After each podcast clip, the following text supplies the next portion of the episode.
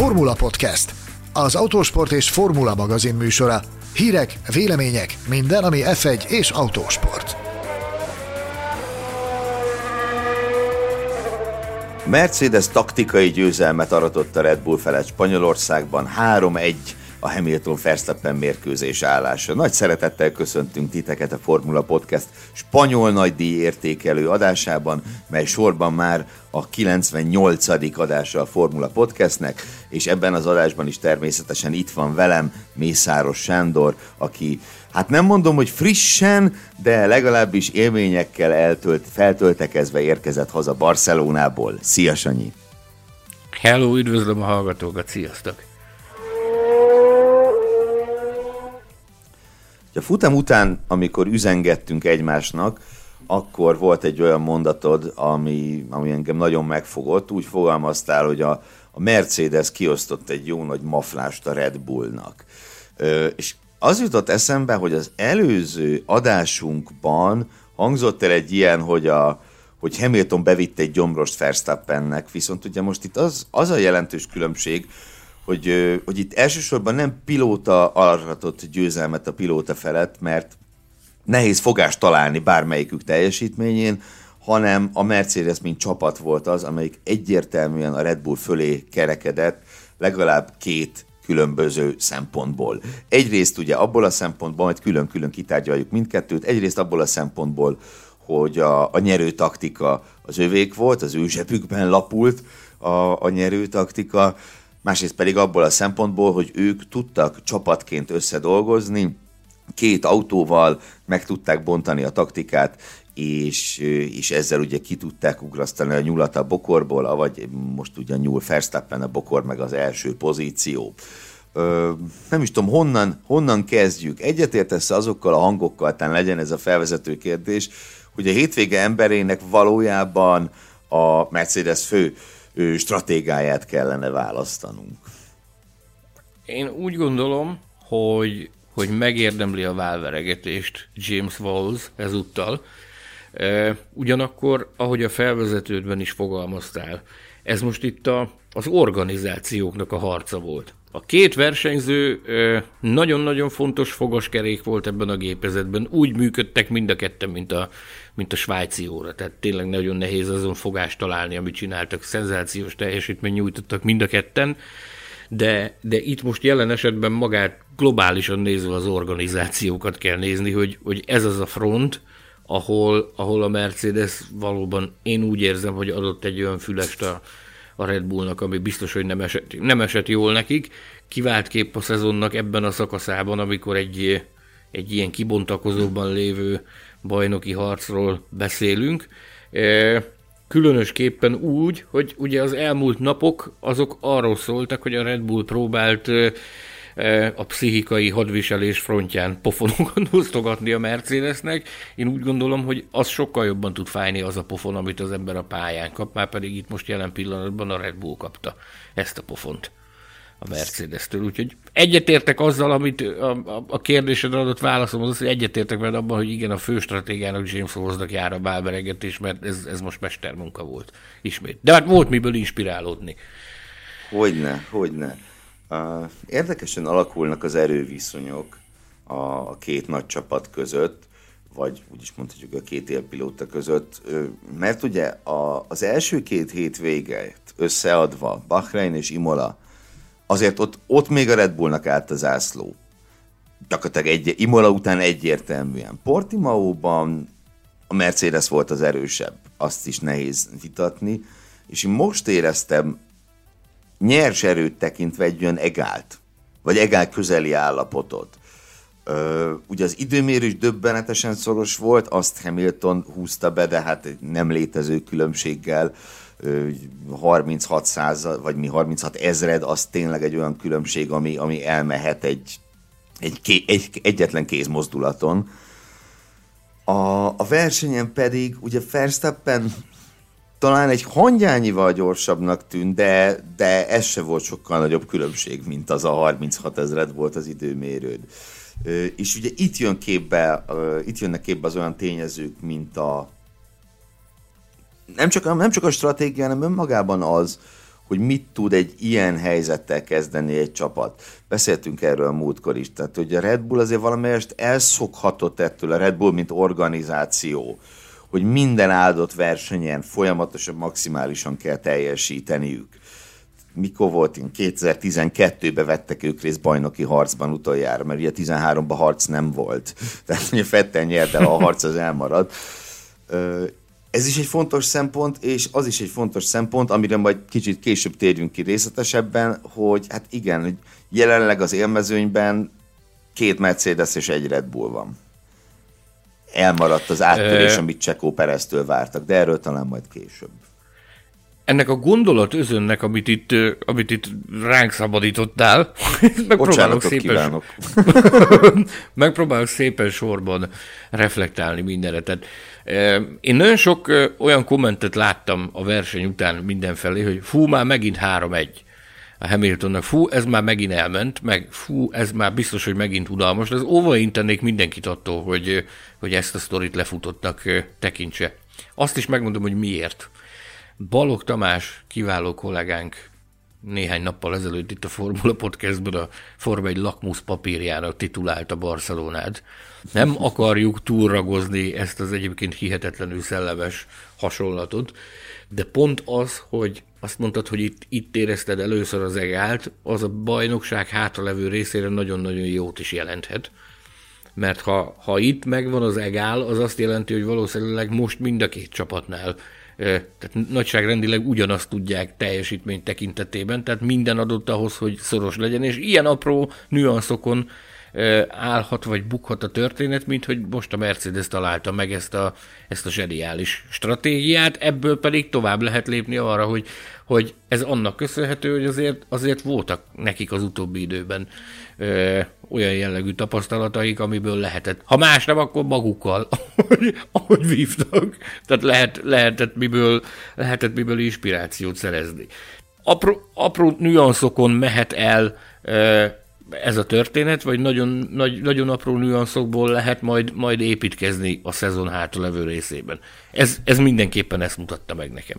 És ha már itt mondtad a, a három egyet, meg, meg azt, hogy itt már keseregnek az emberek, hogy lefutott a bajdokság, amit tényleg nem. Tehát így gyakorlatilag a következő hétvége Monaco, amely az elmúlt években mindig inkább Red Bull pálya volt, mint Mercedes pálya, már fordíthat a bajnokság állásán.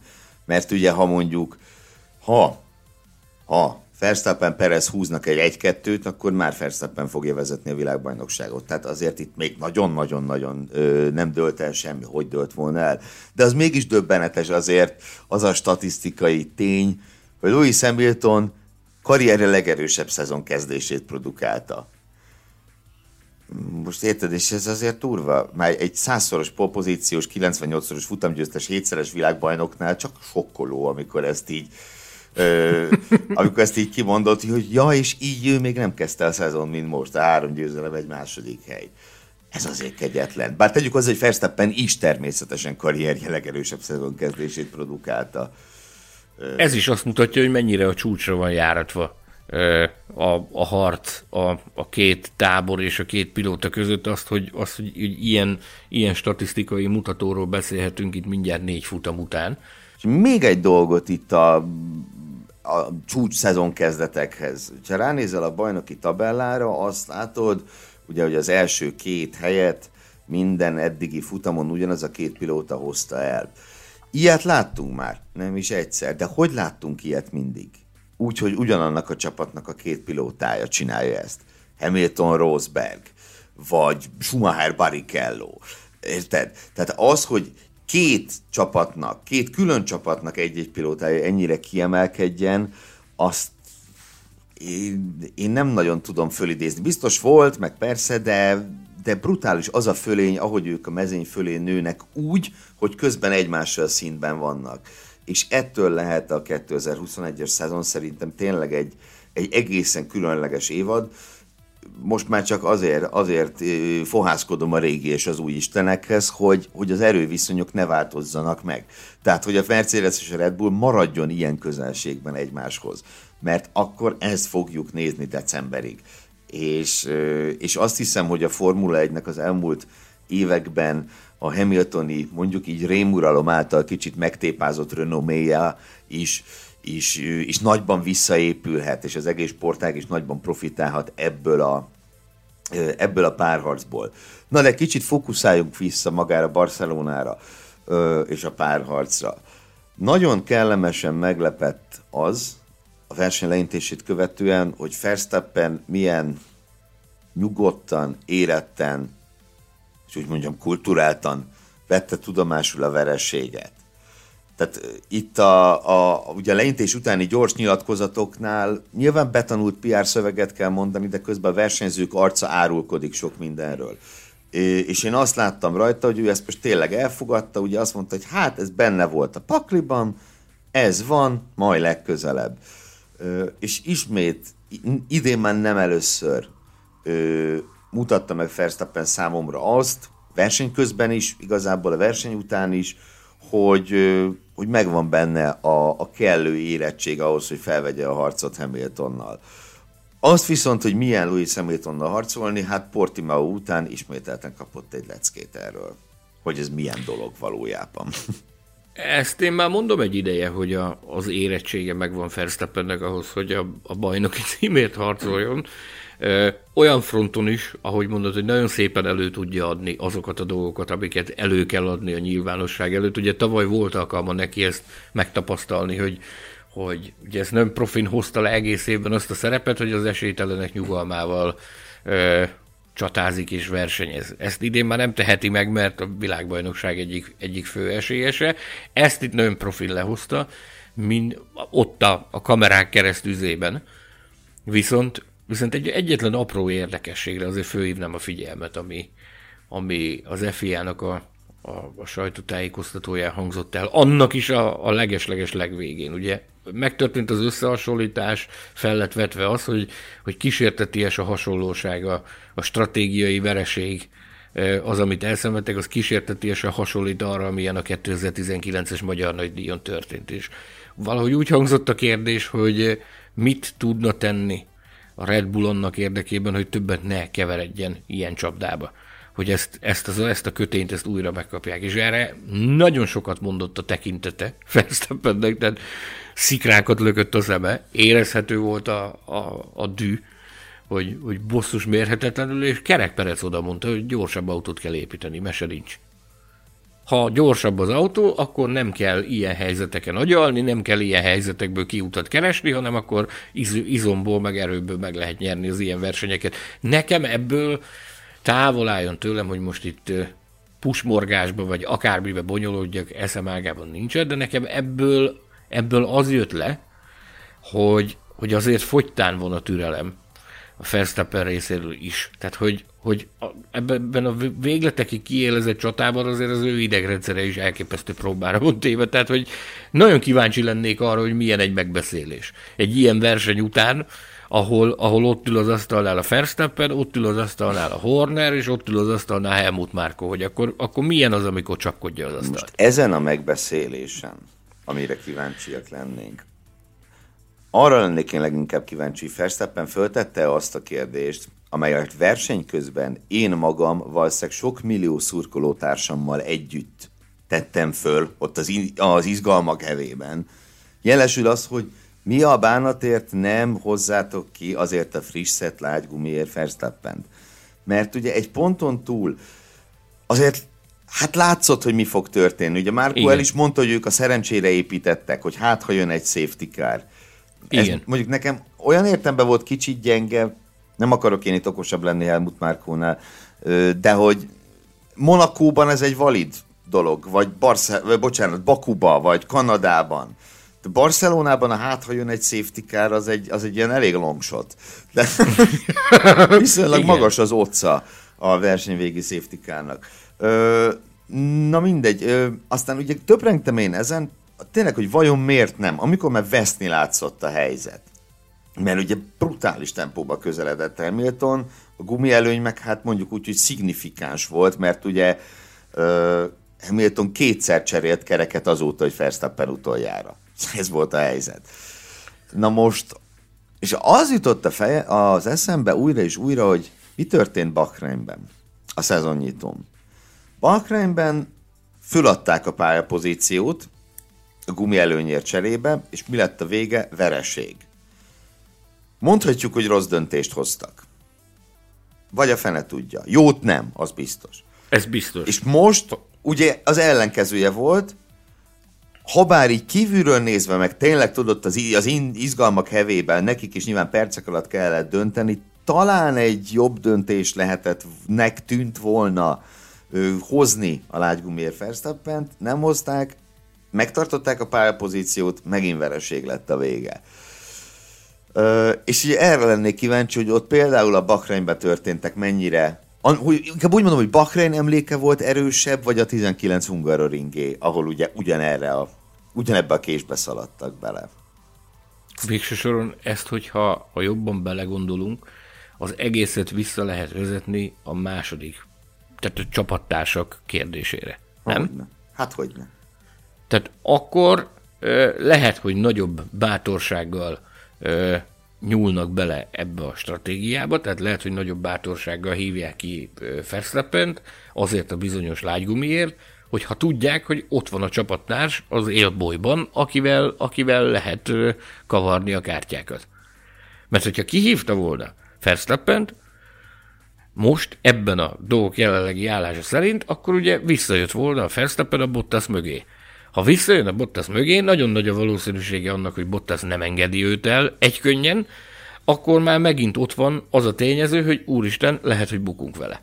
Ha a Perez felnőtt volna már a feladathoz, hogy ott csatázzon az élkvartetben folyamatosan, akkor a, a Red Bullnak a mozgástere is megnőne, viszont a dolgok jelenlegi állása szerint ez nem működik. Mert a Perez nem tud még ott lenni az élmezőnyben, úgyhogy ez a verseny arra is rámutatott nekem, hogy már nagyon sokan már most albonozzák a Perezt, én ezzel óvaintenék ettől is mindenkit, hogy, hogy ez, ez, ez, ez állandóvá váljon magam az a vélemény. is, magam e, is. És, de és, a, nagyon jó meg... Fontosságát nagy... az is mutatta, ahogy az első kiállásnál tényleg gyakorlatilag Bottasszal ugrasztották Verstappent, ugye azzal, hogy, hogy Bottaszt hozták, egy körrel utána jött Verstappen, valószínűleg meg akarván előzni egy elévágást, meg nekem az volt az érzésem, hogy kicsit megették a, és most elnézést a Hamilton szürköltől, tehát a Hamilton hisztit. Jött a szokásos duma, jaj a gumik, jaj nincsenek, jaj nincs semmi, jaj nem működnek. Bottas kijött, mire gondol az ember? Hogy egy kör múlva hozzák Hamiltont. Mit csinált Verstappen? Bejött egy kör múlva. És ugye ahhoz, hogy a Mercedesnek ez a stratégiai mesterfogása a verseny végén győzelmet eredményezzen, ahhoz ugye ez kellett. verstappen korán kirántani. Ez volt Valtteri Bottas igazi szerepe ezen a versenyen. Nem az, amit rengeteg kommentelő írt, hogy ő, hogy ő aztán hogy elengedte Louis Hamilton, nem tudom mit néztek, én nem úgy látom, hogy ő elengedte volna Louis Hamilton. Tehát ugye a verseny hajrájában ugye Hamiltonon azért egy 10-20 körre, tehát 20 fiatalabb gumik voltak, na nehogy megelőzte. Ö, hanem ez volt Bottasnak az igazi szerepe, hogy ott kihozták, és ezzel Verstappent ki tudták ugrasztani, és ugye ahogy mondod, a Red Bullnak nem volt erre válasza arra, hogy például a verseny végén ott legyen egy Perez, mert akkor meg lehetett volna osztani a taktikát, és az lehetett volna a nagy kérdés, hogy akkor egyiket kihozom, másikat nem, és akkor legfeljebb vagy Verstappen nyer, vagy Perez. Hát igen. Ö, Bottas, Bottas, Bottasra visszatérve, erre a bizonyos, ugye jött az a, az a rádió üzenet, hogy ne tartsd fel. Ö, a Hamilton, ugye, hát azért nem szakította meg magát a Bottas, hogy azonnal, azonnal elengedje. Nem. E, nem, ezért ugye, mondtam, hogy akik itt írogatják, hogy Bottas elengedte Hamilton, tehát nézzétek vissza, nem ez történt. utólag, utólag azzal magyarázta Bottas azt, hogy nem azonnal is haladéktalanul engedte Hamilton, hogy a, a Löklerrel folytatott csatára fókuszált, és próbálta leszakítani a Löklert, és nem akarta. Ez olyan jó, ez olyan jó hangzott, olyan szépen megmagyarázta a semmit. Ha látnátok Tehát, most az arcom. Tehát ezt, ezt, ezt benyomta, ezzel kvázi elkenőcsölte ezt a sztorit, de én, én most először éreztem azt egy picit, hogy, hogy azt mondja, hogy na akkor itt most van lehetőség arra, hogy betartsak valamennyire minimálisan, nyilvánvalóan gigantikus jelentősége nincs, de én most először éreztem rajta azt, hogy, hogy azt mondta magában a Bottas, hogy jó, megoldjuk, de nem azonnal. Figyú, én meg azt gondolom erre, hogy nem most kell. Tehát nagyon szépen ő izé most megmutatta, Pontosan. hogy a, ahogy a Gangsta Zoli féle örök kérdés, hogy ki a fasz a gyerek, ő ezt most megmutatta, de, de miért most? Tehát, hogy a, nem a most csapat... kellett volna, hanem jóval, akkor évekkel ezelőtt kellett volna. Így van. Vagy, évekkel vagy, ezelőtt. vagy teljesen más, vagy Portimaóban, amikor ők meccsbe voltak egymással. Tehát itt most ők nem voltak meccsben egymással, hiszen a Hamiltonnak volt egy brutális gumi előnye ezt a keménykedést én megértettem volna, akkor lehet, hogy meg kapunk a pofánk, hogy itt Hamilton-t védjük, de csak annyit kérek, hogy gondoljatok bele kicsit. Tehát amikor van egy egyértelmű gumielőnye a csapattársadnak, aki megy a győzelemért, és van még hátra, talán 11 kör volt, így körül, 10-11, akkor miért kell vele keménykedni? Utolsó körben ezt megértettem volna. Mert akkor tudod, az van, hogy még ezt a kört kivédekezem, enyém a pozíció. De hát itt esély nem volt rá, hogy övé legyen a pozíció, akkora volt a gumi előnye Hamiltonnak. És itt nyilván egy stratégiai kérdés, semmi más. Nem arról van szó, hogy hamilton jobban szereti a csapat, bármit megérteném, na mindegy, de vagy nem arról van szó, hogy Hamilton fekete, mert persze ilyet is olvastam, hogy ezért kellett elengedni, tehát megint az, az, az a kicsit ilyen alusisakos gondolatok, hanem arról van szó, hogy stratégiai különbség volt, pont. És hát azért vannak a csapatok, ugye, hogy ilyenkor a csapatnak ugye egyként kell dolgoznia. És mondok még egyet, nem tudom lesz-e ilyen, de simán lehet, hogy lesz még idén ilyen. Ha fordítva lesz, és Bottasnak lesz ekkora gumielőnye Hamiltonnal szemben, el fogja engedni Hamilton Bottaszt. Kiváló kérdés. Tehát azt most láthattuk, hogy Én ez kijelentés kemény... volt részemről. Oké. Okay. kijelentés. Okay. Tud, tud keménykedni a Bottas, és nem akkor, amikor kellene. Ennyi. Igen. Na, itt még egy gondolat volt, amit szerintem, amit felvetettél, és ezt még kapirgáljuk meg. Ez pedig a Perez albonosodása. Ö, hát ezt én is korainak érezném, és itt nem a, elsősorban nem a Perezzel szembeni szimpátia beszél belőlem, hanem ugye, hogyha megnézzük hétvégéről hétvégére, meg jöttek ilyen kimutatások, hát hogy pontszámban ugyanott tart, mint Albon négy futam után, sőt, még rosszabb. De itt valójában az a helyzet, hogy, hogy Pereznek ö, nem állt még össze egy jó hétvégéje. Voltak baromi jó teljesítményei, szerintem most is egyébként a vasárnap rendben volt, csak ugye a szombat el volt, el volt, el Igen. volt rontva. Ö, ugye ez fogta később egy, egy válfájásra. Lehet, hogy igaz. Nyilván ez, nem. volt a, ez volt a legszürreálisabb az egészben egyébként. Tehát ez, ez valami elképesztő volt, Ugye lement az időmérő, én azt hiszem, hogy egy olyan órával, másfél, óra, más, másfél órával később jött a, a Perez féle beszélgetés, és akkor e, hát ugye egy, egy gyors ilyen összegzés arra, hogy mi volt, majd, majd jött az első kérdés, hogy de akkor, akkor miért nem sikerült úgy, ahogy ez kellett volna, és akkor bedobta, hogy fájt a vállam.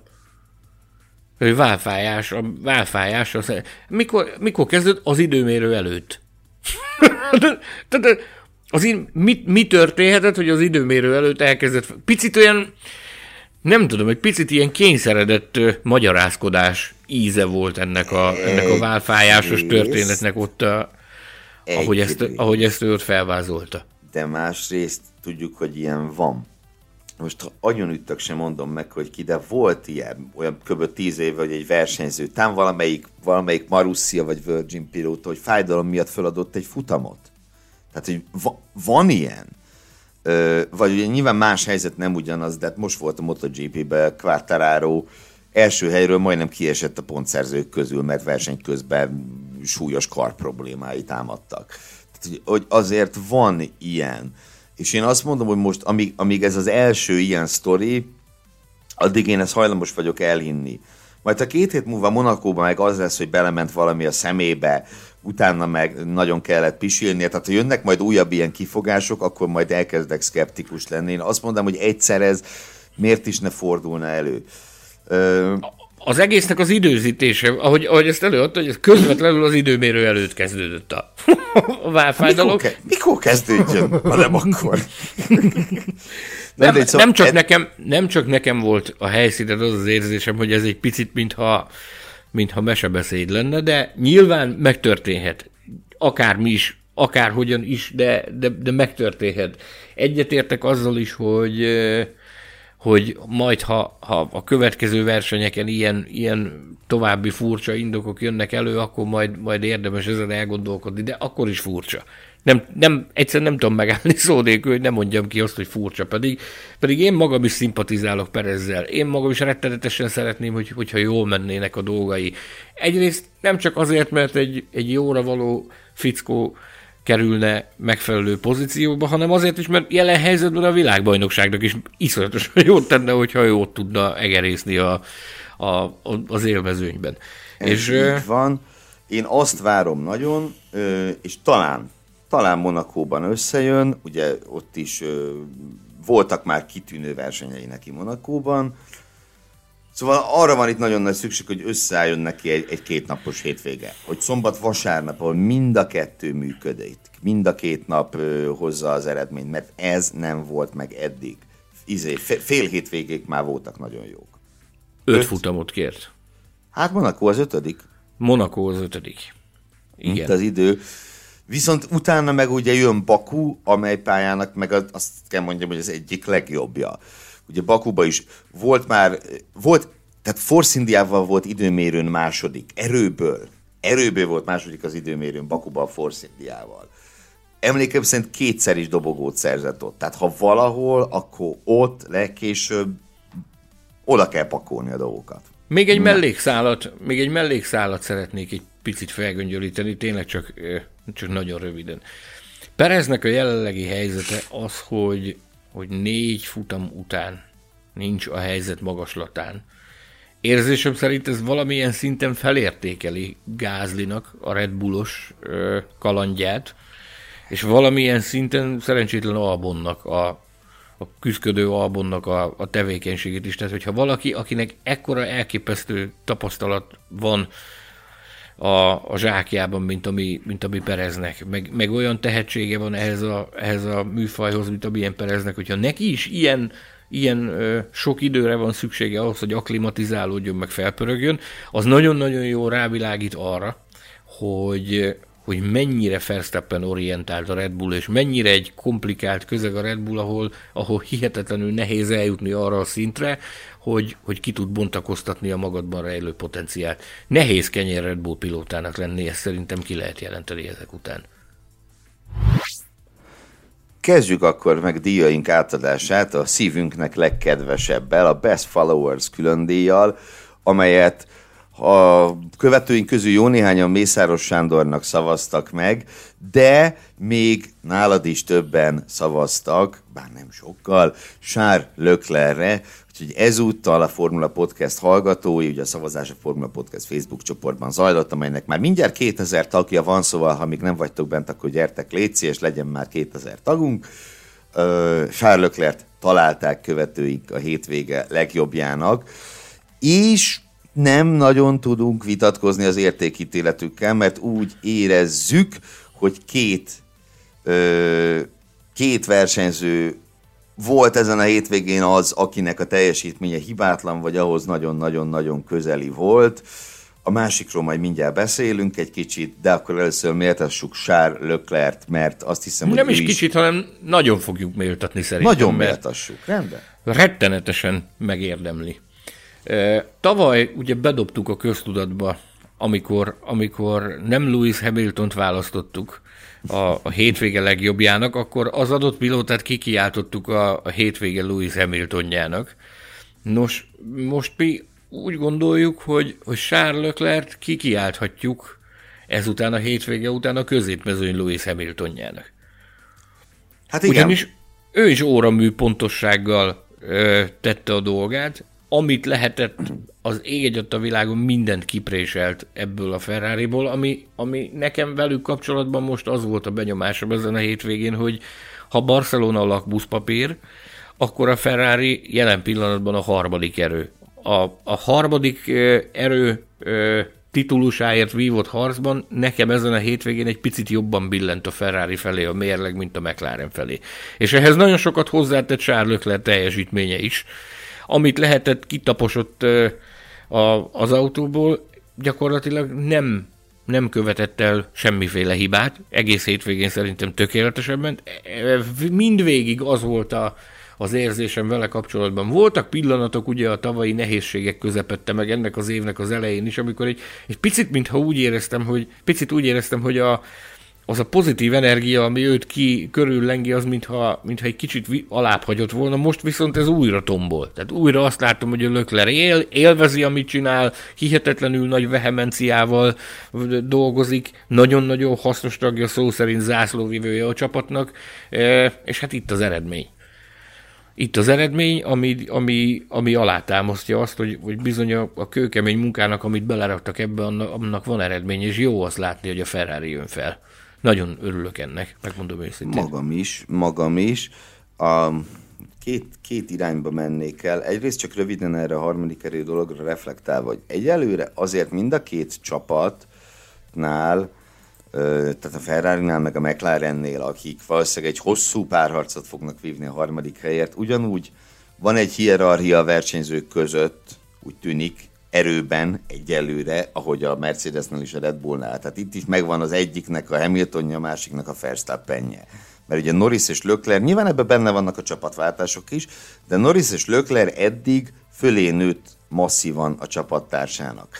És Norris most viszont egy akkorát betlizett, amit majd a pontszámán is látni fogunk, amit kiosztottunk neki, Ö, tényleg, tényleg hatalmasat. Tehát ebben az is benne lehetett, hogy, hogy Norrisnak egy elég, elég homály meglapos hétvégéje volt, mert ugye eddig az volt a felállás ebben a harmadik helyet vívott párharcban, hogy szombaton a Ferrari a gyorsabb, elsősorban Leclerc, ugye a best of the rest pozíciót az időmérőn eddig a négyből háromszor Leclerc egyszer Sainz szerezte meg, tehát mindig a Ferrari volt egy körön a jobb, Vasárnap viszont eddig Norris ő, vitte a pálmát. Most viszont hát semmit nem vitt nagyon, ő, maximum egy, egy kört haza, mert hogy kapott egy kört ő, a futamgyőztestől. Igen, a másik viszont, hogy Lökler időmérős teljesítménye, szóval arra, arra szavakat nehéz találni. Ugye tudtuk ezt régóta, láttuk, csak magyarázták ezt mindenfélékkel sokan. Persze a, a Ferrari az őt tolja, meg a, így itt is voltak ezek a konteus megközelítések, de ha csak a puszta tényeket nézzük, egyrészt ugye első Ferrari szezonjában ő lett a pól király, egy bizonyos Louis Hamilton megelőzve szerezte a szezon legtöbb pólját. És emellett a ferrari együtt töltött két év alatt a korábban kimondottan időmérő specialistának számító Sebastian Vettel úgy beáraszta szombatonként, Á, vasárnap is, de szombatonként különösen. hogy brutálisan. Ö, és ugye azt látjuk most, hogy ez a tudás, ez itt is kamatozik. Mert ez, négyből háromszor ő az, aki, aki odaegerészi magát a negyedik, ötödik rajthelyre a nagy csapatok mögé, az nagyon kemény és nagyon imponál. Méltattad az időmérős teljesítményét, én a verseny teljesítményét méltatnám ezek után. Tehát az megvan a rajtnál, rajt után a tülekedésben az az előzés a Bottas ellen?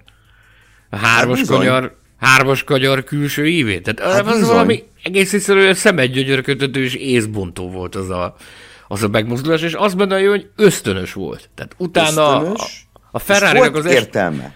Milyen sokáig partiba volt Bottasszal utána? tulajdonképpen 27 körön keresztül hát tartotta hát maga bizony. mögött Valtteri Bottaszt, ami ugye az elmúlt időszakban egyáltalán nem volt jellem, jellemző az, hogy a, a, a Ferrari és a Mercedes esetében, hogy ilyen, ilyen tud történni, hogy egy Ferrari 27 körön keresztül tud menni egy, egy Mercedes előtt. Tehát ez mindennek mondható csak... Tehát ez 19 volt. igen, Tavaly nem igen, volt. igen mindennek mondható, csak szokványosnak nem, és az, az sem, tehát nem feltétlenül az autó predestinálta a ferrari arra, hogy, hogy a Mercedes előtt menjen, ez, ez egy, ez egy lökler effektus volt. Tehát az, most... hogy ez, ez kellett egy lökler, aki abban az autóban ül, hogy azt ő azt a, a Bottas előtt tudja tartani azt a kocsit, és azt, azt az autót ilyen, ilyen hosszú időn keresztül. Szenzációs teljesítmény volt. Szenzációs. te itt a középmezőny Hamiltonjának neveztet Leclerc, én azt mondom, viszont van benne egy kicsi középmezőny Verstappenje is, mégpedig annyiban, hogy egyelőre ugyanúgy áll, mint Verstappen a rendes bajnokságban, ugye három második hely és egy győzelem, mert ugye eddig mindig Norris volt a best of the rest, viszont mindig Leclerc volt mögötte a második. Tehát félelmetesen stabilan tartja ezt a ezt a pozíciót ott közvetlen az élmenők mögött, és most ő is egy, egy kis gyomrost ugye Norrisnak ezzel kiosztott, mert hosszú távon én azt hiszem, tehát egyrészt ugye most hosszú távon akarok vizionárius lenni, egyrészt azért azt gondolom, hogy Pereznek meg lesz a bajnoki negyedik hely, mert nem létezik, hogy ne legyen meg. Majd megfelelően megeszem a szalmak alapom, úgyis régi már. De mögöttük a pozícióért azt hiszem ők ketten lesznek harcba hosszú távon a tabellán, Norris és Leclerc. Igen. Hát akkor, ha beszéltünk a középmezőny Hamiltonjáról, akkor beszéljünk az élmezőny Hamiltonjáról. Előre bocsátom, elsősorban a Hamiltonnal nem annyira szimpatizáló versenyzők, de hogy versenyzők, kik ők? Szurkolók, kedvéért. Hogy nem, nem fogjuk minden áldott alkalommal Louis Hamilton-t választani a hétvége emberének, amikor futamot nyer.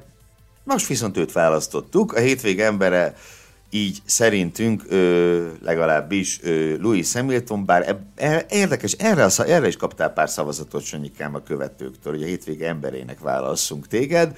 Igen, de na, nagyon kedvesek, na, nagyon kedvesek vagytok, köszönöm szépen.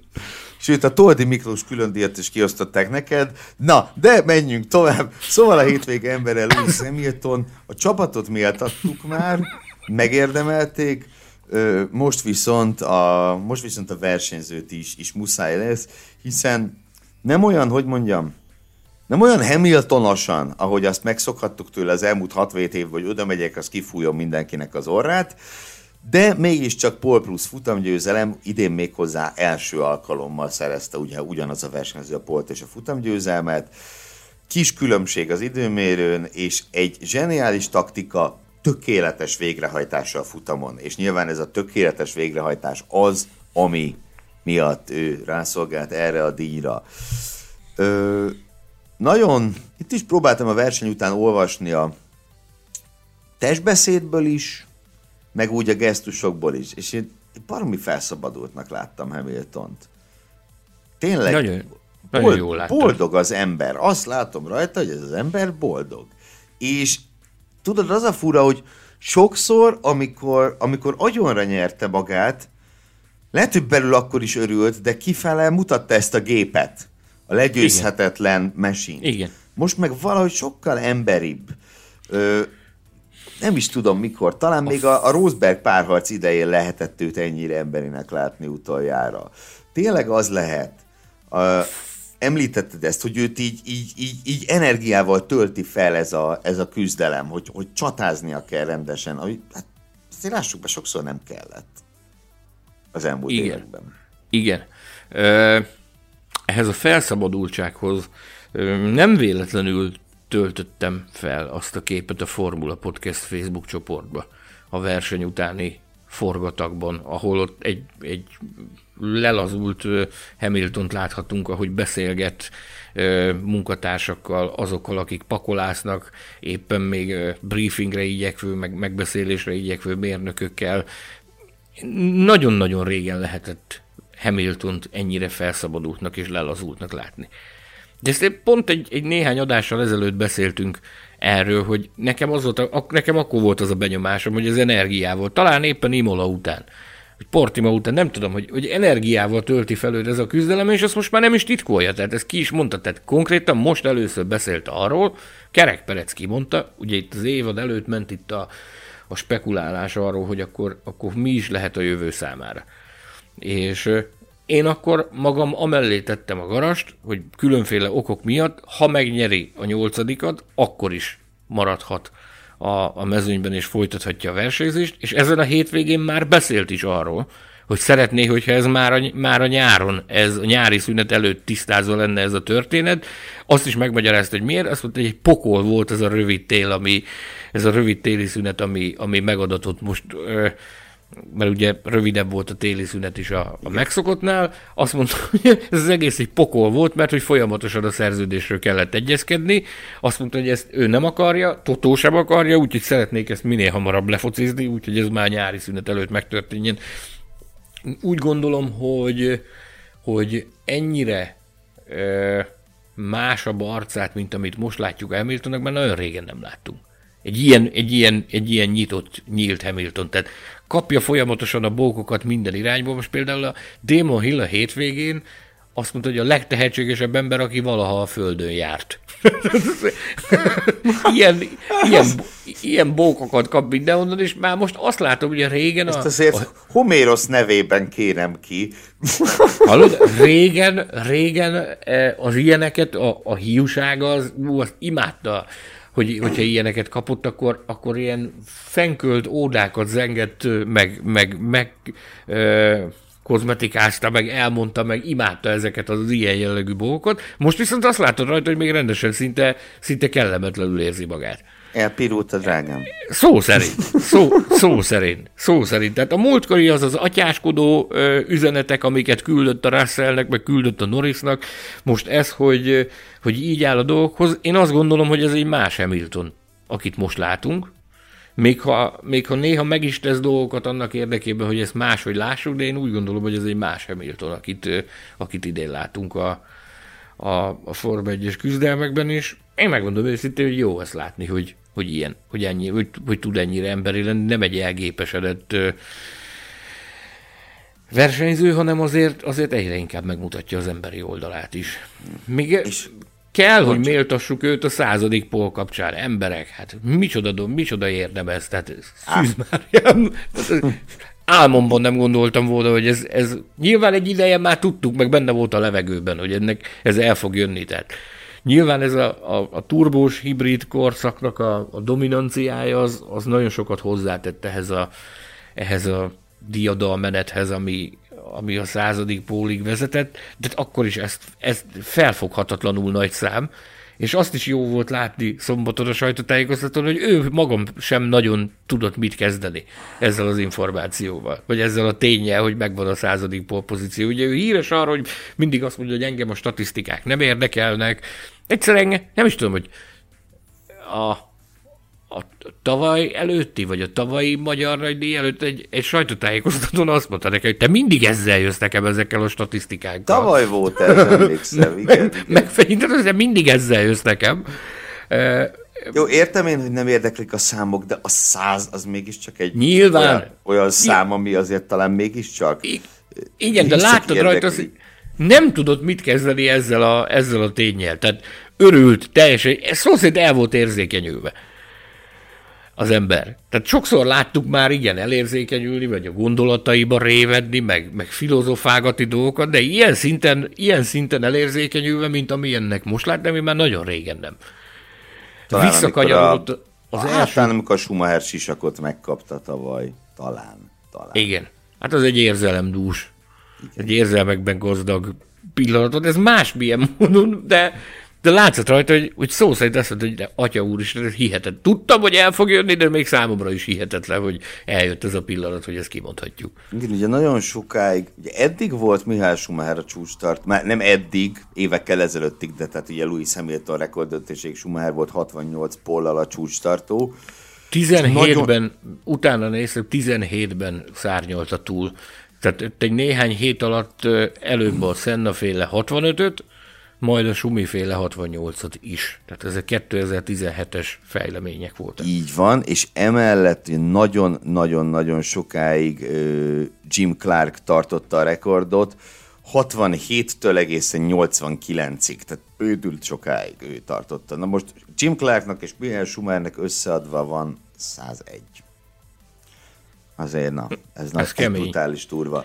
Nyilván persze tegyük hozzá, hogy szegény, szegény Clark ugye 72 futam adatot meg neki, mielőtt életét vesztette. Az ő pól aránya azért az fogható Hamiltonéhoz, sőt jobb is, ha jól számolom, persze, hogy jobb. De hát így is az egyik legnagyobb időmérős menő a Forma 1 történetében, a, a teljes 71 éves történetében a sportágnak ezt, ezt megint azt mondom, nehéz vitatni. Lehet itt jönni a Mercedes-szel, meg igen, persze, nem ennyire kiemelkedő a Mercedes, akkor lehet, hogy nem 100 lenne, csak 80. Csak. Megint előhozakodott ez a téma, erre, erre Wolf azt a választotta, hogy ez, ez most már tényleg nonsens, hogy még mindig erről kell beszélni. Szóval egész egyszerűen tudomásul kell venni, hogy irigy emberek mindig vannak és lesznek, és ezek a hangok ezek soha nem fognak előlni, hogy, hogy ezzel ezzel vádolják Hamilton, hogy csupán azért, mert a legjobb autóban ül, de azt mondta erre a Wolf, hogy ha mindig ezzel foglalkoznánk, ahogy, hogy mit mondanak rólunk, akkor nem ott tartanánk, ahol tartunk. Ennyi punktum. Nem kell ezt, nem kell ezt túl ragozni. Érdemes inkább már, érdemes inkább azon, azon gondolkodni, hogy ugye ez volt a 98 futamgyőzelem, tehát lassan meg lesz futamgyőzelmek tekintetében is a 100. Nagyon nehéz elképzelni, hogy ez ne következzen be már most itt a szezon első harmadában valamikor, vagy a szezon hát. első, mondjuk úgy első felében, és akkor azzal nem nagyon tudunk mellé fogni, tehát Polban... Jön Monaco, Azerbajdzsán, utána valószínűleg Törökország. Ugye a hetedik VB cím Törökországban lett meg, ki tudja, lehet, hogy a századik futamgyőzelem is pont, pont ott fog megszületni. Elképesztő. Hát az. No, menjünk tovább, barátom. A hétvége meglepetése, mint következő állandó díjunk, ö, Daniel Ricardo élet. Azért a Daniel Ricardoé... Méltasd, a... légy szíves, méltasd, méltasd a méhész borzod. Méltatom én. Az eredménye igazából olyan értem, hogy a hatodik lett, nem volt annyira kiemelkedő, hogy már Imolában is volt hatodik, Bakreinben pedig hetedik, tehát hogy végül is hasonló eredményei már voltak. Ami viszont, ami viszont kiemelkedő volt, és, és, és méltóvá tette erre, az ahogy megszületett ez az eredmény. Egyrészt azzal, hogy ezúttal ö, nem csak tehát szombaton és vasárnap is rendben volt amit a produkciója, ő volt az erősebb McLaren a szezon során először, ugye eddig azért Norris elég rendesen püfölgette, egy csapatváltás után persze ez érthető, de hát mégiscsak végre az övé volt az erősebbik McLaren, gyakorlatilag a Q3-ba egy bő tizeddel maradt el a negyedik helytől, tehát időmérőn is nagyon partiképes volt, ami nagyon kellett a Portimaoi Q1-es kizúgás után. Másnap pedig, hát mindenek előtt ö, számomra az volt a lenyűgöző, ahogy ő menni tudott, ö, menni tudott Perezzel. Mert ugye nagyon sokáig ő, ő partiban volt ö, Perezzel, végül is egy 10 másodpercet kapott tőle, a leintéskor is csak 10 másodperce volt tőle, de hát nagyon sokáig úgy tűnt, hogy a mondjuk így, hogy közepes formában lévő Sergio Pereztő meg fogja verni. És McLarennel Red Bullt verni, az menő dolog. Akárhogy nézzük, az, az, az menő dolog.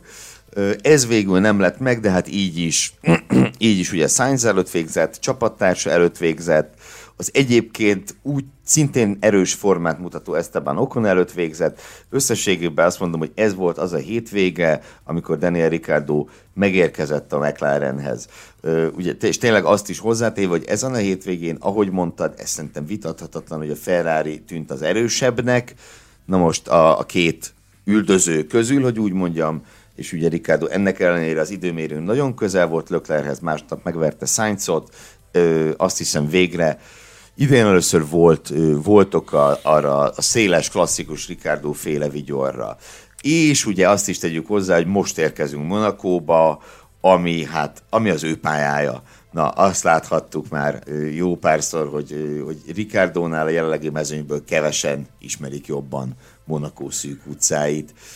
Én őszintén szóval egy nagy dobást, nagyon nagy dobást várok tőle, legalább azt, hogy ő lesz a best of the rest, de ki tudja, talán még. Nem csak te várod tőle ezt, hanem a, a, a nemzetközi sajtó is reménykedik abban, a média centerben hallottak alapján, hogy Monakóban, ami ugye egy nagyon komoly vadász területe neki, hogy most végre megtörtént itt Barcelonában az, hogy nevezzük, vagy fogalmazzuk úgy, hogy haza, hazaért, tehát, hogy tényleg úgy tűnik, hogy most ugye nagyon nehéz, nehézkesen indult ez a McLarenes beilleszkedési folyamat, vagy, vagy legalábbis a tempónak, vagy a ritmusnak a felvétele nem volt a legegyszerűbb, de úgy tűnik, hogy végre valahára itt volt már az ideje ennek egyébként. Tehát, tehát már, már kezdett kínos lenni az, hogy, hogy nem úgy alakulnak a dolgok, ahogy, és ettől nagyon nagy pilóta Ricardo szerintem, hogy akkor, amikor tényleg elkezd szorítani a cipő, akkor általában azért megtalálja a kiutat az útvesztőből, és, és végre valahára sikerült neki mutatni valami olyat, amire, amire tényleg nagyon nagy szüksége volt már. Ez jót tesz a házon belüli kis csetepatéra, kis ö, egymás ösztönzésének is. Ugye most ez a Norrisnak egy szörnyű hétvége volt, de most, hogy ott volt a szörnyű hétvégé a Norrisnak, vagy a nem túl jó hétvégé a Norrisnak, most ott volt a Ricardo, aki tudott valami nagyot dobni. Ez nagyon-nagyon jó a McLarennek, hogy, hogy ilyen egészséges pilóta párosuk van. Aztán, hogy Monaco... Bizonyám, és ugye a pontszámban egyelőre a Ferrari előtt járnak, amihez, amihez nem csak Norris, hanem Ricardo produkciója is szükségeltetik. Hiszen ugye ne feledjük, Ricardo előzi Sainzot az összetetben, tehát az egyelőre második pilóták között ő áll jobban. És majd meglátjuk, hogy mit hoz Monaco. Reméljük, hogy, hogy azért a, a versenyhez, a versenynek a remélt izgalmaihoz azért Ricardo is hozzá tud majd járulni. Mm-hmm. Na, akkor nézzük, mit hoz Monaco a hétvége csalódásának. Sőt, igazából ez egy ilyen akkumulált díj. Mondhatjuk, hogy a szezon eddigi csalódása. Őt Yuki Tsunodának hívják.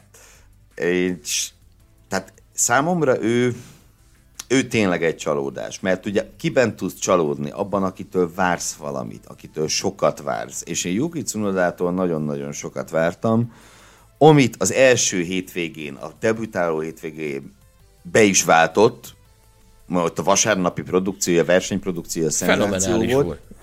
Azóta viszont, hát jót nem nagyon tudunk róla mondani, és ezen a hétvégén azt éreztem, hogy ez kezd most már paromi kellemetlen lenni, a, a hisztéria, amit lenyom, ugye, hogy még az autóból ki sem szállva káromkodik össze-vissza az autóról, amit bevágnak adásba, ami így azért mindig ciki. GP2 engine, emlékszünk az irányra. Tehát az mindig ciki. A, akkor ugye megvádolta a csapatot azzal ott indulatában, hogy az ő autója nem ugyanolyan, mint Gezlié. Miért? Miért ne lenne? úgy az egész, az egész kezd úgy kellemetlen lenni, és ugye megint, jó, a versenyen arról persze nem tehet, hogy korán kiesett, de hát addig is azért nézzük meg, mi történt. A rajtnál visszaesett, és két körön át nem tudta még Schumacher házát megelőzni. Tényleg, ez, egy, ez belekerült egy ilyen újonc válságba, amit láthattunk már, tehát láthattunk már nagy versenyzőknél is.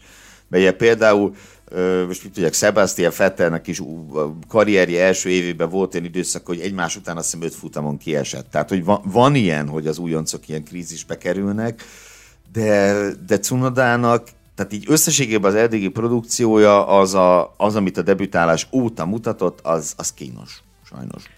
Kétségkívül, viszont próbálok korteskedni mellett egy picit.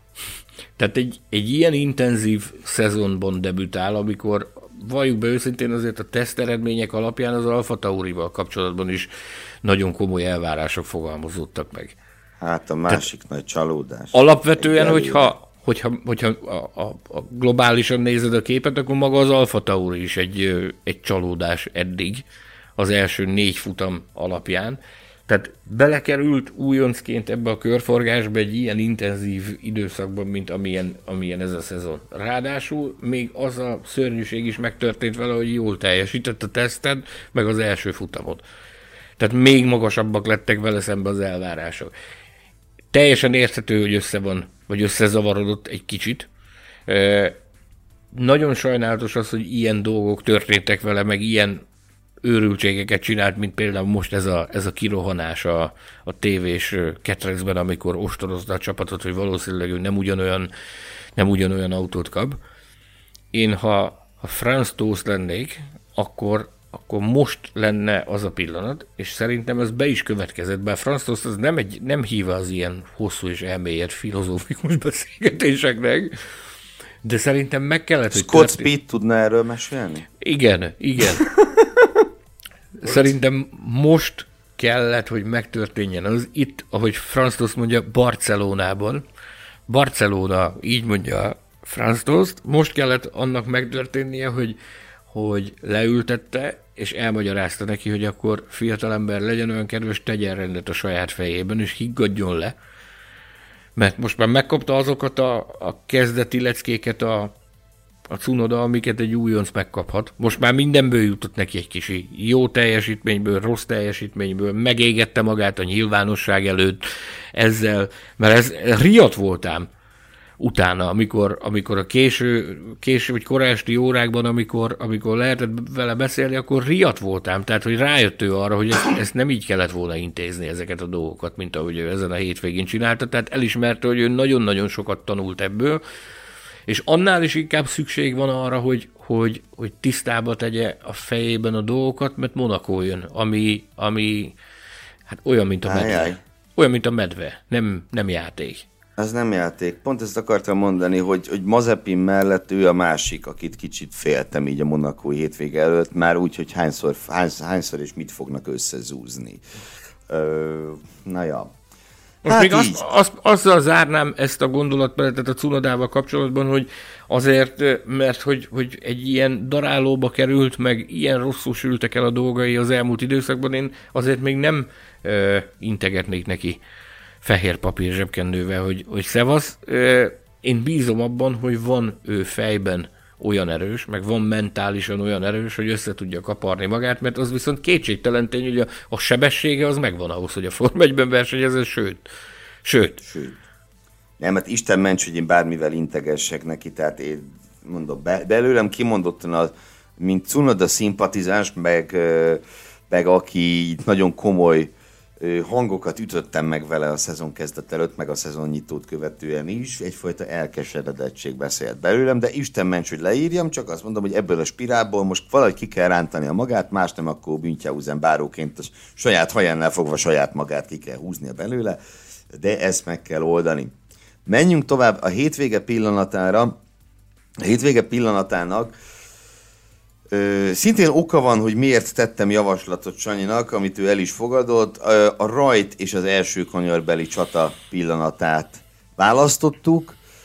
Max Verstappen kőkeményen a, a sportszerűség határait szerintem súrolva, de én azt hiszem, hogy még belülről súrolva hát nem kérdezte meg Louis hamilton hogy mehet-e, hanem ment és ugye Hamilton bele is volt, kénytelen volt kicsit nyitni is a kormányon, és egy kicsit visszalassítani, mert Verstappen, hát az ment, mint a messzes. Amiért én ezt a hétvége legfontosabb pillanatának tartom, az az a tény, hogy ha már itt údákat zengtünk erről az óriási párharcról, Hamilton és Verstappen, illetve a Mercedes és a Red Bull között, akkor azt is ki kell emelni, hogy lement négy verseny úgy, hogy minden áldott alkalommal volt legalább egy éles test a test elleni csata a két bajnok esélyes között. Emberek, mikor volt ilyen? Én nem tudom. Lehet, hogy soha.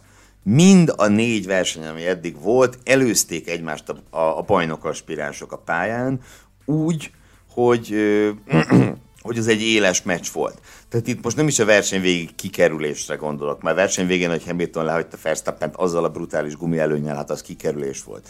De élesben csata van köztük, és ez, és ez szenzációs. Mit tudom én, most az jutott eszembe, hogy például ugye bizonyos szempontból, statisztikai szempontból is legendás a nagy Schumacher Villeneuve párharc 97-ből, ami úgy volt párharc, hogy ők egyszer se álltak együtt a dobogón. Tehát ők rendszerint elkerülték egymást a pályán, kivéve persze Herezben.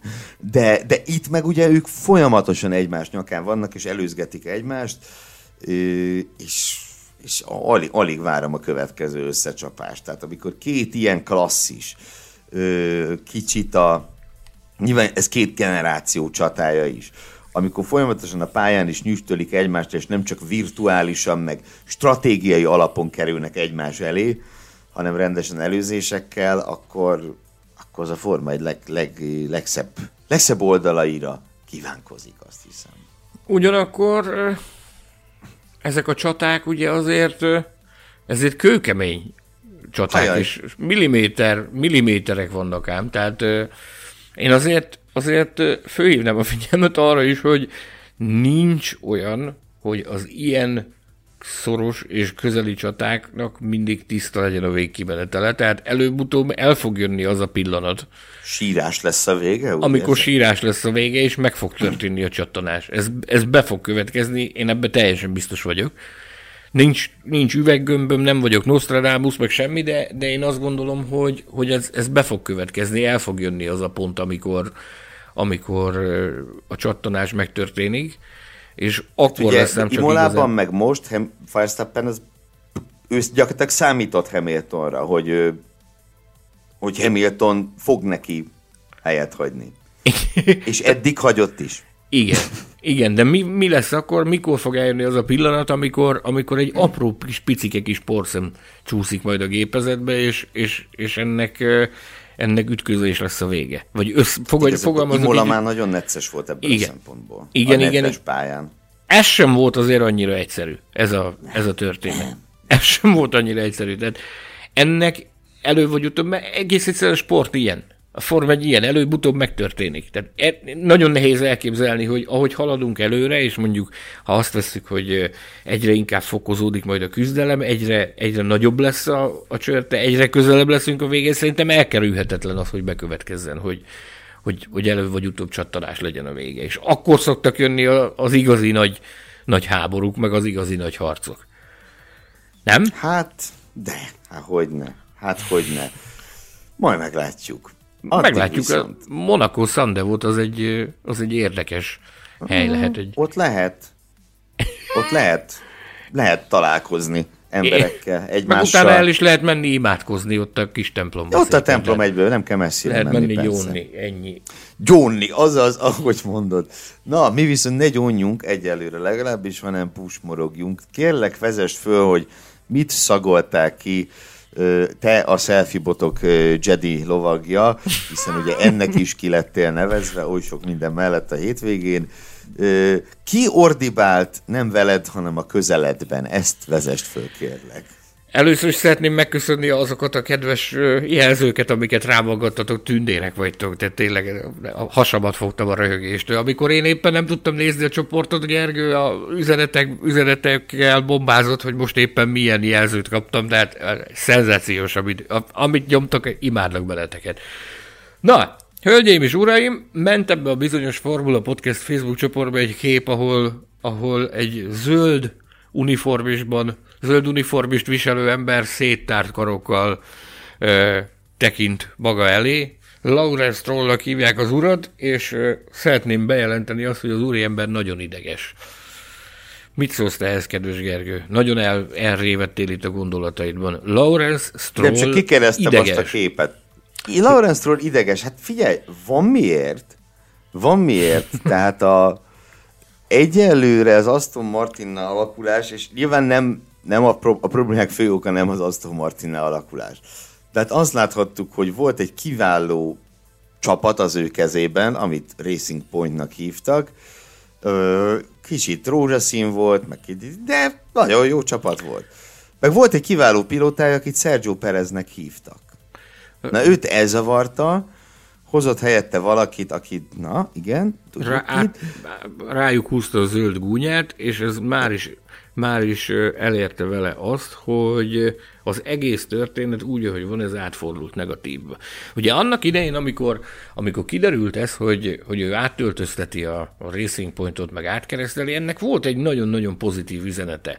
E, mindenki örömmel fogadta ezt, hogy jaj, de jó, lesz Aston Martin, ez egy nagyon szimpatikus márka, óriási. Olyan pusmorgások voltak, hogy még Toto Wolfot idehozza, meg Lewis Hamilton-t ide, mindenki Igen, igen. Beindult, egy, beindult egy általános ilyen felfokozott várakozás ezzel a társasággal kapcsolatban. Magam is emlékszem olyan kommentekre itt, ugye az előszezonban gyakorlatilag mi majd szédültünk, annyi, annyi ö, sajtóközleményt kaptunk éppen mindenféle szponzorokról, meg partnerekről, meg beszállítókról, akik csatlakoztak ehhez az új formációhoz, hogy tényleg az józan észre nehéz volt végigkísérni. És az egész ez azt szülte, hogy, hogy már mindenki kezdte elhinni, hogy te atya úristen, itt világmegváltó dolgok készülnek. Csak hogy ugye úgy tűnik, hogy itt is megérkezett az a bizonyos porszem a gépezetbe, ezekkel a minimál szabályváltozásokkal, amik, amik, amiket eszközöltek 2021-re, ez pont elég volt ahhoz, hogy hazaküldje az Aston Martint. Mert a lórék autókat ugye azokat érinti igazándiból hátrányosan, csak míg a Mercedes hát, ezt tud... volna nem szerezni egy Mercedes-t Igen, amíg a Mercedes ezt tudta kezelni, addig a jelek szerint az Aston Martin nem nagyon tudja, és egyre hangosabb a pedok, meg így a Form 1 Most azt nem mondhatom, hogy mi bent vagyunk a pedokban, mert nem vagyunk bent a pedokban, mi a Media Centerben vagyunk. De meg te a, a pedok körül. kerítésén át tudod dugni a selfie botot. Például. Meg, meg azért vannak a pedok kerítésein, kerítésén belül, hála jó Istennek, olyan, olyan források, akikkel tudunk beszélni, meg azért mondanak is bizonyos dolgokat, és azt halljuk, hogy, hogy, hogy Lawrence Stroll egyre idegesebb, emiatt, hogy, hogy nem úgy alakulnak a dolgok, ahogy kellene. E, ugye rengeteg ilyen partnert bevonzott, akik privát üzleti kapcsolatokon keresztül, vagy jó ismerettségen az üzleti, az üzleti életből azért csatlakoztak, mert hogy ő invitálta őket, hogy itt a csapatom, gyertek, támogassatok bennünket, mert nagy dolgokat fogunk végrehajtani, és hát azt halljuk, hogy itt a csapat körül egyre nagyobb a nyugtalanság azok, azoknak a részéről, akik úgy döntöttek, hogy megjelennek ebben a projektben, ilyen vagy olyan formában, és Na hát. most próbálom Na ezt hát. virágnyelven elmondani. Szombaton botorkáltam visszafelé a, az éppen aktuális Covid-tesztről, ami a Form 1 Bedok háta mögötti kis Sikátor utcában volt lehetséges odáig eljutni. Ez az úr az udvartartásával együtt épp akkor távozott a helyszínről, és hát, hát megvaló őszintén egy picit meg is ijedtem, amikor hátra néztem, hogy de jó Isten, ki az, aki ilyen szinten ilyen szinten van feldühödve. Hát ő volt az, aki hevesen gesztikulálva az, a, az udvartartást osztotta és kiabált. Nem tudom, ez zaj volt, azt nem, nem, nem sikerült értelmeznem, hogy éppen mi van bepukkanva, de, de rettenetesen ideges volt az ember. És azt hallom... A, Amikor a Mikulás ordibál, az baromi ezt. A csapat körül jövő menő forrásoktól azt halljuk, hogy ez, egy, ez most már egy ilyen állandósult állapot, tehát hogy folyamatosan ideges. És erre még rátett egy lapáttal Colin Coles is a napokban, Ugye... Kedvencem, nagy forma.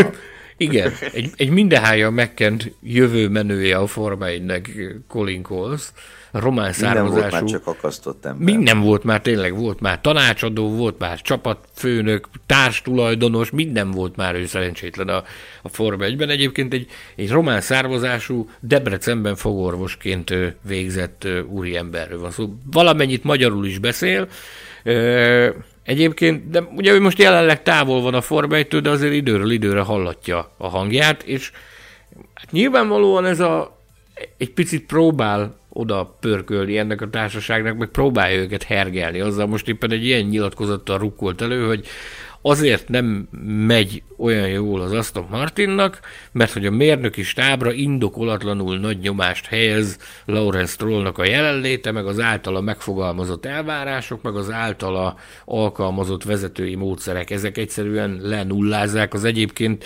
kőből levest főzni és képes mérnöki gárdáját a, ennek a bizonyos Silverstone istálónak. A lényeg az, hogy úgy tűnik, hogy, hogy ez most már ez, ki, tehát ez mert tehát deklarálhatjuk azt, hogy Lawrence Stroll nagyon ideges, és én, én magam azt tapasztaltam pénteken a sajtótájékoztatón, hogy most már ott már Safnauer is nagyon ideges.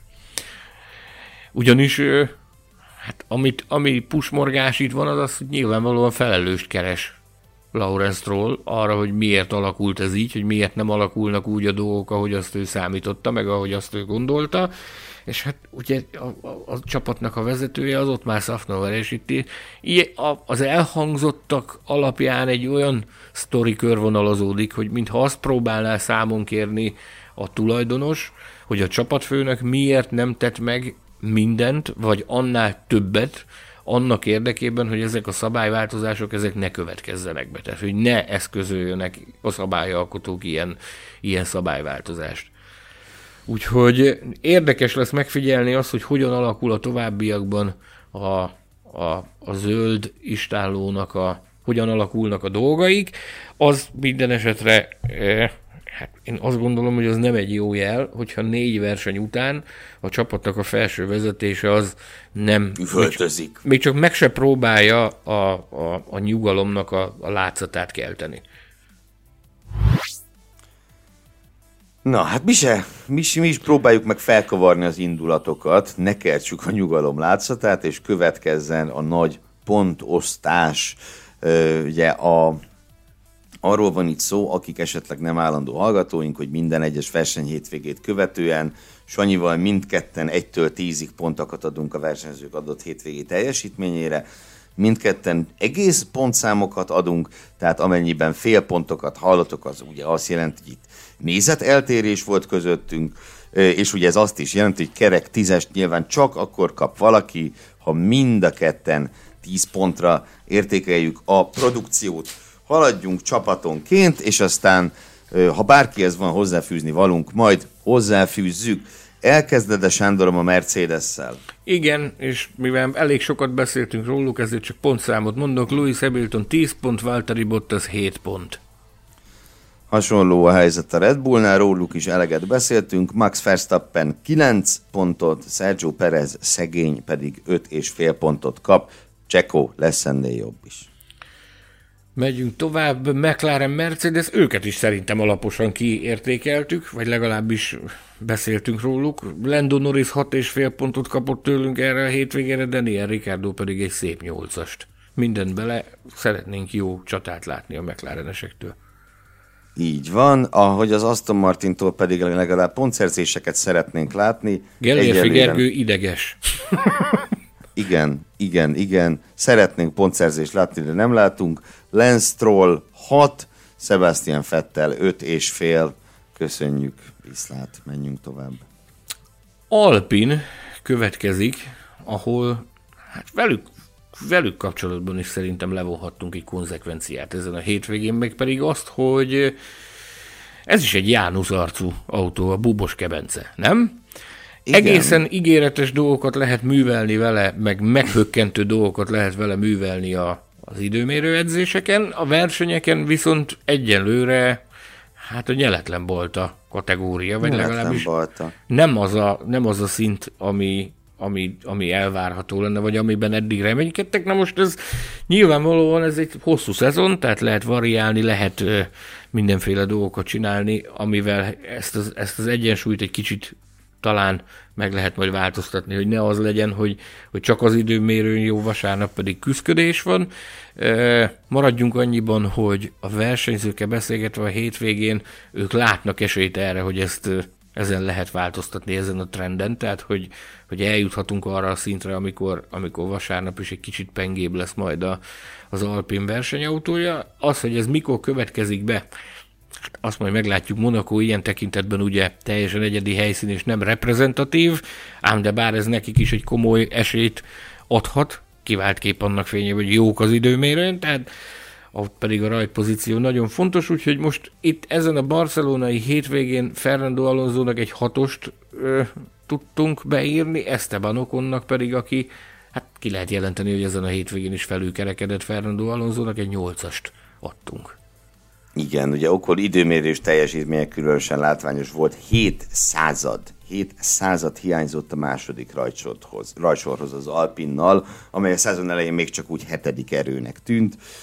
Éledezik ez a csapat szerintem. Akik viszont már nem csak éledeznek, hanem látványosan élnek, azok a Ferrari, Charles Leclerc 9 és fél egységet érdemelt ki tőlünk, Carlos Sainz pedig 7 és felett. Mm, ostoroztuk az Alfa Taurit, ahol Pierre Gasly ugye egy pontot azért sikerült mentenie neki. És tegyük hozzá, hogy a semmiből hozta a semmi, vissza azt a, a pontot. semmiből, igen. Tehát az is inkább Gázli volt, mint Alfa Tauri. Hát. E, tehát van, van, mit, van mind dolgozni Faenzában. Akad, akad meló.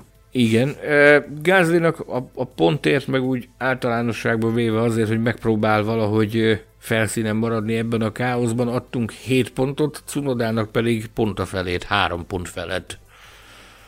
3 pont felett, hát igen.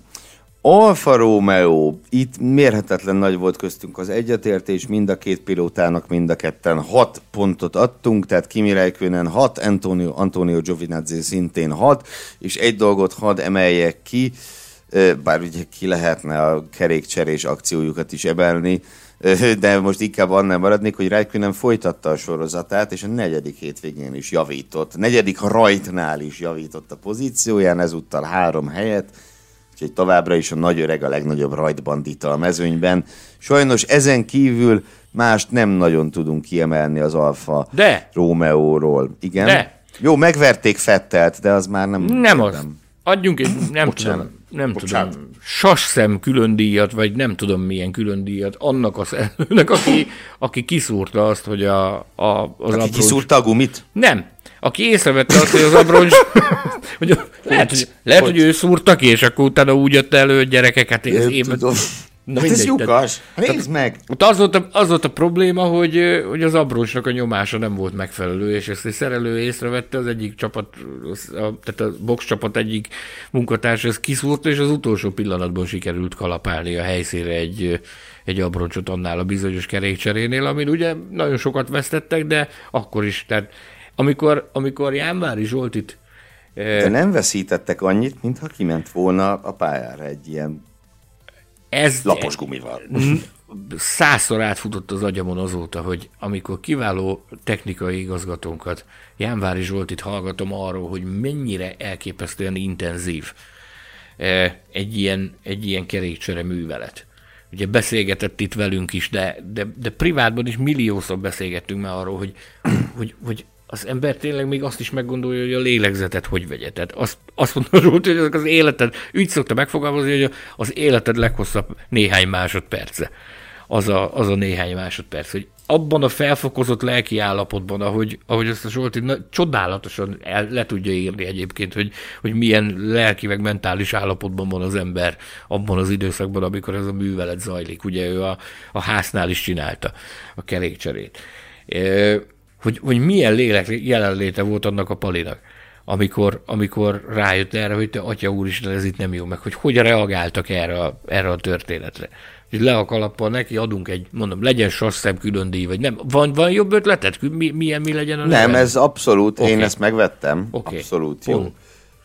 Williams, ez kicsit kérlek. Fú. Williams. Latifikus kikapott az időmérőn ezúttal. Most nem a versenyen, most, a, most az időmérőn kapott ki még Schumachertől. hát nem az igazi. Nem az igazi. Sok minden történik náluk. Egyértelmű, hogy, hogy hihetetlenül szélérzékeny az autó. Tehát ez, ez egy, ez egy majd meg fogjuk kérdezni erről a technikai igazgatókat, hogy mit lehet erről tudni, hogy szélérzékeny versenyautókkal mit lehet kezdeni maradjunk annyiban, tehát Russell nagyon közel volt megint ahhoz, hogy pontot szerezzen, tehát ott, ott volt ő a pontszerző zóna közvetlen közelében, szinte végig, nem? Nagyon, nagyon, nagyon, nagyon szépen ment a mezőnyben, tehát az, hogy ott abban a, abban a 10-14. hely közötti forgatagban ő, ő baromi jól tartotta tartotta magát. Még akkor is, ha ez végül csak egy, úgy szólván csak egy Giovinazzi verést eredményezett, valamint a teljesen hulladék taktikán lévő Fernando Alonso epifölését. Na de, de tényleg szóval Russell rendben volt nagyon. És Q2 ismét, már meg se Igen, most már ezen, Azon már meg se ezen nem lepődik meg az ember, igen. Ö, volt már, volt már jobb, meg lesz is még, úgyhogy adtunk a Russellnek 8 pontot, Latifinek pedig 5 felet.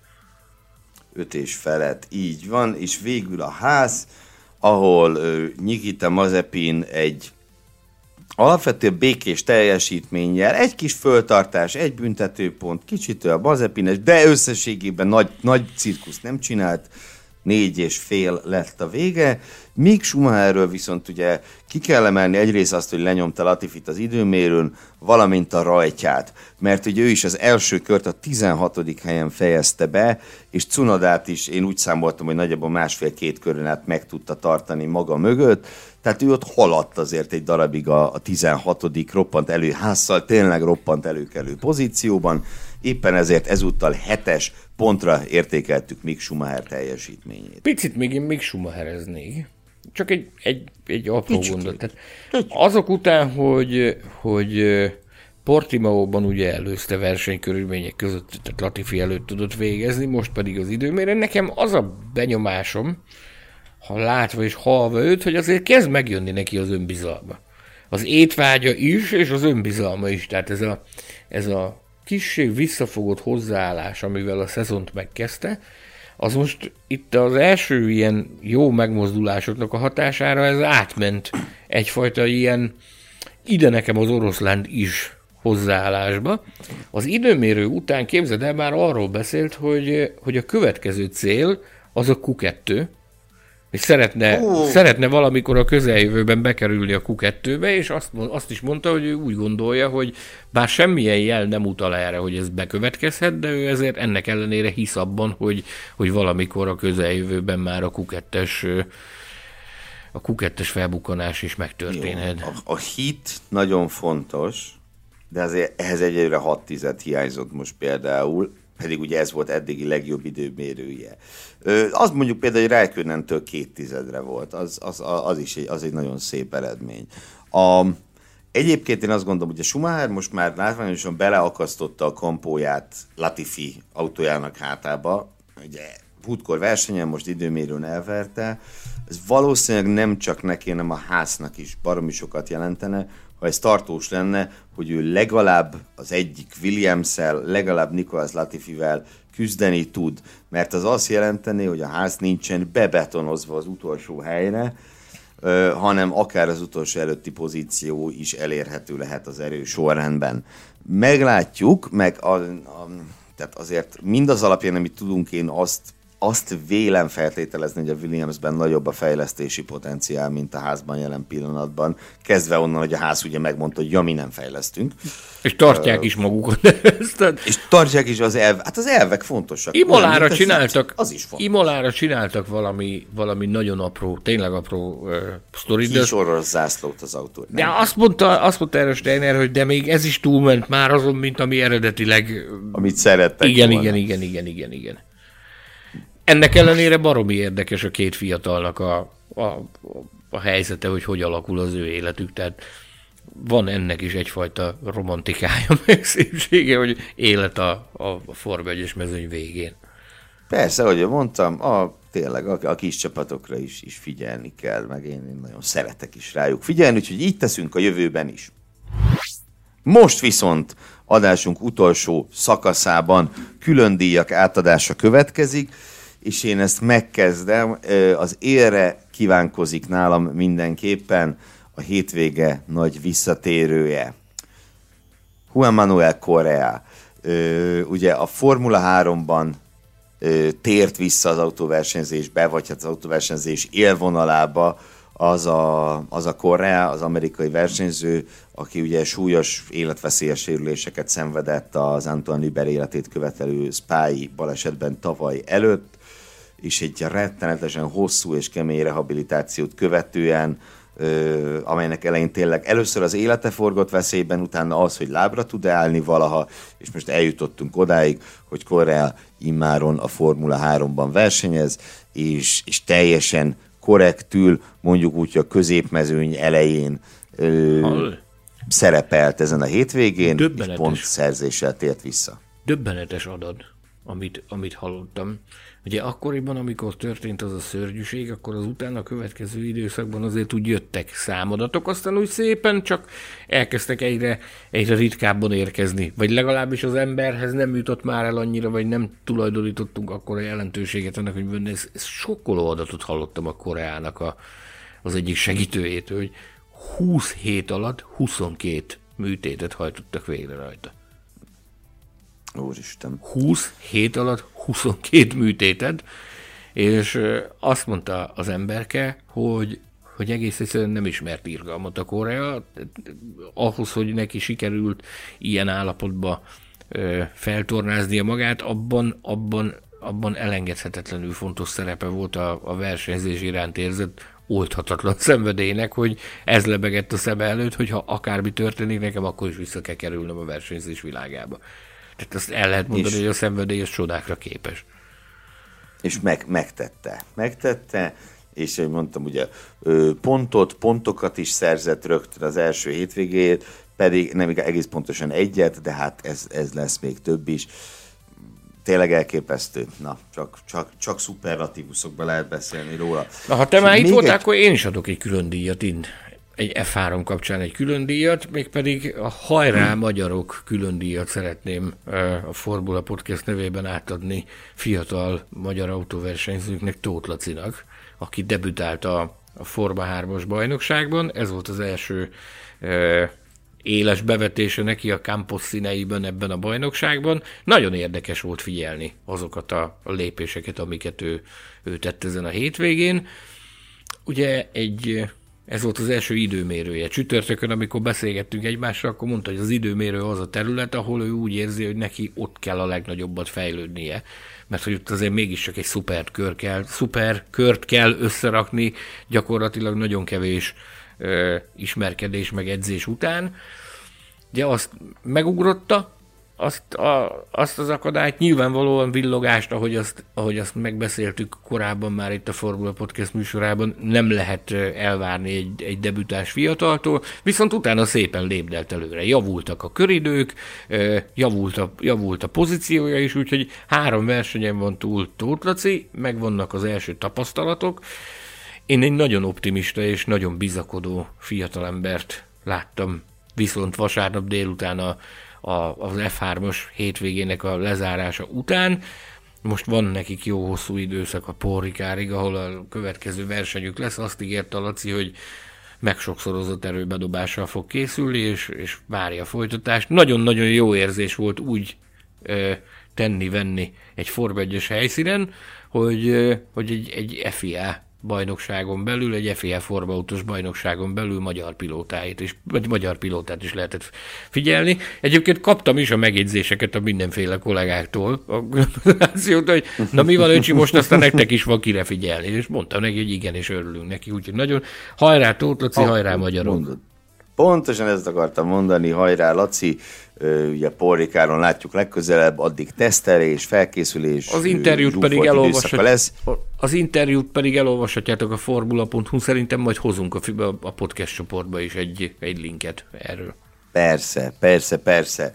Na, az én tarsolyomban van még egy-két külön díj. Én a, folytatnám a hétvége rádió üzenetével. Hétvége rádió üzenete úgy hangzott, hogy az utolsó körre utoléret Verstappent. Mondták Valtteri Bottasnak a 66 körös verseny 33. körében, hogyha ilyen tempóba haladsz, az utolsó körben éred utol Max Verstappen. Egyúttal a hétvégen matematikai bravúrjaként is meg tudnám ezt fogalmazni. Nem, nem találtam a szavakat erre az üzenetre. Hogy lehet ilyet mondani, hogy 33 körrel a verseny vége hogy ha minden így marad, hogy, hogy maradna minden ugyanúgy? Hát a Forma 1 egy körön át sem marad minden ugyanúgy, de akkor pont az utolsó körbe utaléred. Tehát én ezen azt éreztem most a viccet félretéve, hogy szegény Bottasnak annyira akartak valami kis izé motivációs bombont adni, hogy hát ez sikerült.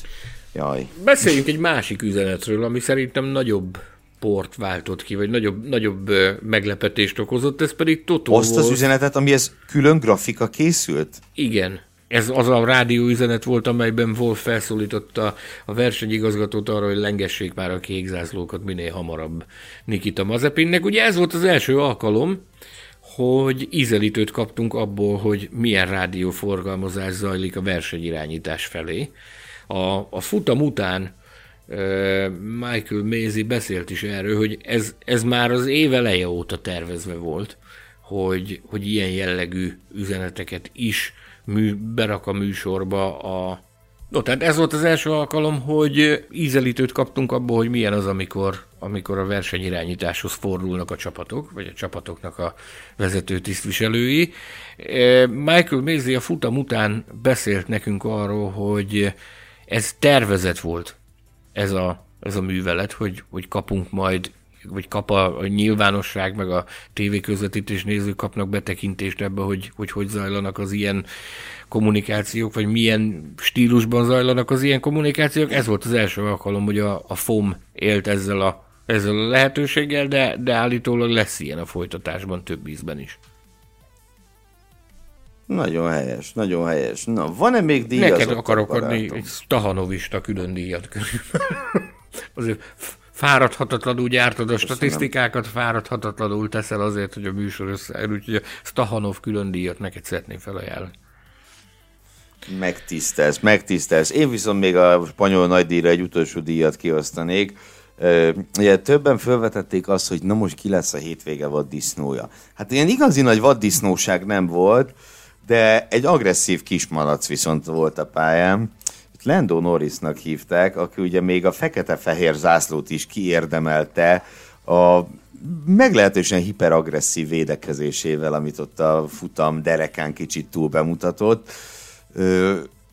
irgalmatlan nagy baleset lehetett volna ebből, amit ott Norris leművelt, és ja, ja, ja, tehát az ászlót is, is, is abszolút indokoltnak éreztem, amit megkapott, és én szeretettel ajánlom föl a Formula Podcast agresszív Na, akkor én is adok még egyet, ez pedig a megdobbanó szív külön díj. Nagyon jó volt azt látni, hogy vasárnap nézők voltak a tribünön Barcelonában. Tehát ez Barcelonának, a, Igen. a, a Circuit de Barcelona Katalónia versenypályának adományozzuk a megdobbanó szív külön díjunkat. E, ugye vállalták ezt, hogy én nem is tudom, a saját tagságuk tagjai közül ugye pártoló tagok vannak ott a, a, az intézményben, akik támogatják. Nem, nem tudom, hogy hogy működik, nem akarom ebbe belásni magam. A lényeg az, ezer ember jöhetett a versenyre, és az az ezer ember, ugye máskor hát sok tízezren vannak a, a versenypályán, és teremtenek csodálatos hangulatot. Persze. Most ez az ezer ember Persze. teremtett olyan hangulatot, hogy egyszerűen nem találkoztam senkivel, aki nem mondta volna azt, hogy te jó Isten, megdobbant a szívem hogy de jó ez látni, hogy, hogy, hogy szurkolók uh-huh. vannak itt, meg hogy milyen lelkesek, meg tényleg csillogó szemmel, ahogy ültek az emberek a, a lelátón, meglett embereket, tehát idős embereket láttam olyannak, mint a kisgyerek, érted? Hogy szinte könyvszökött a szemükbe, annyira, annyira el voltak érzékenyülve attól, hogy, hogy hosszú-hosszú inséges időszak után végre valahára egy élő sporteseményen lehetnek jelen. Ugye ott láthatták a, a helyi közönségnek a mindig is örök kedvencét Alonzót, de ezt szeretném jelezni, hogy hogy Spanyolország szíve most újra a ferrari dobog, mert azért nagyon-nagyon nagyon komoly ünneplésben részesítette ez az ezer ember Carlos Sainzot is. Tehát őrületes volt. Igen, és hát tényleg tettünk egy fontos lépést a normalitás irányába. Igen. És ez nagyon jó. Ez nagyon jó. Ugye Monakóban is lesznek 7500 7000-en, ha jól nap. emlékszem. Ugye, naponta 7500-an többen lehetnek jelen nekik is tesztet kell bemutatni, meg, meg megfelelő biztonsági intézkedések, mm. meg óvintézkedések meg lesznek téve, tehát social distancing lehet majd, nem tudom, minden második vagy minden harmadik ülésén lehet majd ülni a tribünnek, meg azért nagy figyelmet fognak fordítani rá, de ez is végre azt mutatja, hogy a világ kezd elmozdulni a jó irányba, sőt, úgy hallottam, hogy Monakóban már a pedokba is betehetjük a lábunkat. Vannak ilyen pusmorgások, Ó, hivatalosan még nincs hát... megerősítve, de, de azt hallottuk, hogy az ott esetben még az is megtörténhet, hogy nagyon szigorú szabályok mellett, de talán a pedokban is látogatást tehetünk. Izgatottan várjuk a ezzel kapcsolatos információkat. Akkor azt is elpusmoroghatjuk itt a hallgatóinknak a műsoridő lejárta felé, hogy akkor te úgy tűnik, hogy Monakóban is a helyszínen igen, fogsz Toldi Miklóskodni. Igen a dolgok jelenlegi állása szerint igen, aztán reméljük, hogy ugye az ember nem mer már lassan kijelentést tenni. Tehát most is ö, kinkeservesen sikerült a, a, a kiutás Barcelonába, tehát a, a, a magyar a Magyarországi reptérnek a földi kiszolgáló személyzete a világon mindent megtett annak érdekében, hogy ne sikerüljön oda kijutni, úgyhogy ezúton is üzenjük nekik azt, amit gondolunk, ami, ami hát azért az étert nem bírja ki. Igen. Na igen. És akkor még itt a, ö, az utolsó percekben egy-két szolgálati közlemény. Ugye itt észrevehettek több dolgot. Ö, egyrészt az, hogy nem hétfőn, nem kedden jelentkezett a futamértékelő, ami abszolút az én ö, saram, hogy úgy mondjam, viszont egy nagyon-nagyon örömteli okból, hogy ö, szeretett tanítványom, akinek négy éven át, akivel Négy éven át dolgoztunk az ő doktori képzésén és disszertációján, és próbáltam mindenben segíteni eh, ahhoz, hogy az irodalomtudományok doktora címet megszerezze. A tegnapi naptól most már a doktor Bán Katalin nevet viselheti. Úgyhogy ez, ezért nem voltam jelen tegnap, remélem ezt mindenki megbocsátja, és muszáj volt megragadnom az alkalmat, hogy nagyobb nyilvánosság előtt is gratuláljak Katinak ez a csodálatos eredményhez, már csak azért is, mert úgy tudom, hogy vannak ismerősei, akik neki. hallgatják a műsort. A másik szolgálati közlemény pedig az, ugye, hogy a megszokottól eltérően ezúttal nem hárman, hanem csak ketten csináltuk végig a futamértékelőt, bele így is beszélünk majdnem száz perce. Minden esetre itt nem arról van szó, hogy már nem szeretjük a kollégáinkat, vagy bármi hasonló, mert imádjuk őket. Egyszerűen így alakult, hogy éppen senki nem ért rá, azt pedig nem akartuk megtenni veletek, hogy még ennél is tovább húzzuk a futamértékelő adást, mert azért az már nagy túlzás lett volna a részünkről is. Ö, igen, nem tudom, Sanyikám, akár szolgálati közlemény, akár búcsú gondolat szorult-e még ö, beléd itt a műsoridő végén? Azon elmélkednék, hogy, hogy mennyire jó volt ez a barcelonai hétvége. Tehát sajátos volt, ugye mindig sok, tehát gyakran halljuk azt, hogy á, Barcelona az unalmas mert hogy ott, ott semmi sem történik. Ez most megint egy olyan hétvége volt, amikor, amikor tettünk egy szép kis lépést előre a szezonban, és, és megint kaptunk olyan kis iránymutatásokat, amik a szezon későbbi részében nagyon-nagyon hasznosak lesznek, úgyhogy nem volt ez rossz hétvége, én imádtam, megmondom őszintén.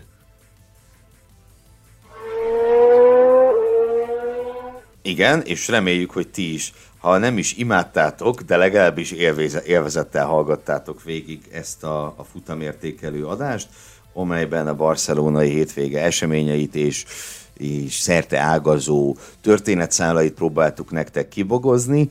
Terveink szerint jelentkezünk még a héten egy adással, valamikor a hét vége felé, hogy mi lesz a téma, az legyen meglepetés egyelőre és addig nem tudok más mondani, mint hogy maradjatok velünk, lépjetek be a Formulat Podcast Facebook csoportba, még nem tettétek volna, ha már beléptetek, maradjatok ott, és legyetek nagyon aktívak, írjátok meg, mit gondoltok az adásról, a hétvégéről, milyen pontszámokat osztottatok volna ki ti a versenyzőknek, olvassátok a formula.hu-t, vadul készítjük az új Autosport és Formula magazint, addig is vegyétek meg az előzőt nyomtatott vagy digitális formában. Mit szokott még a Tamás mondani? Ja igen, ha már Tamás, ugye Betlen Tamás elnyűhetetlen főszerkesztő és Hilbert Péter kiemelt főtechnikus nevében is nagy-nagy szeretettel búcsúzunk tőletek, és szeressétek az autósportot. Sziasztok! Sziasztok! Formula Podcast az Autósport és Formula magazin műsora. Hírek, vélemények, minden, ami F1 és autósport.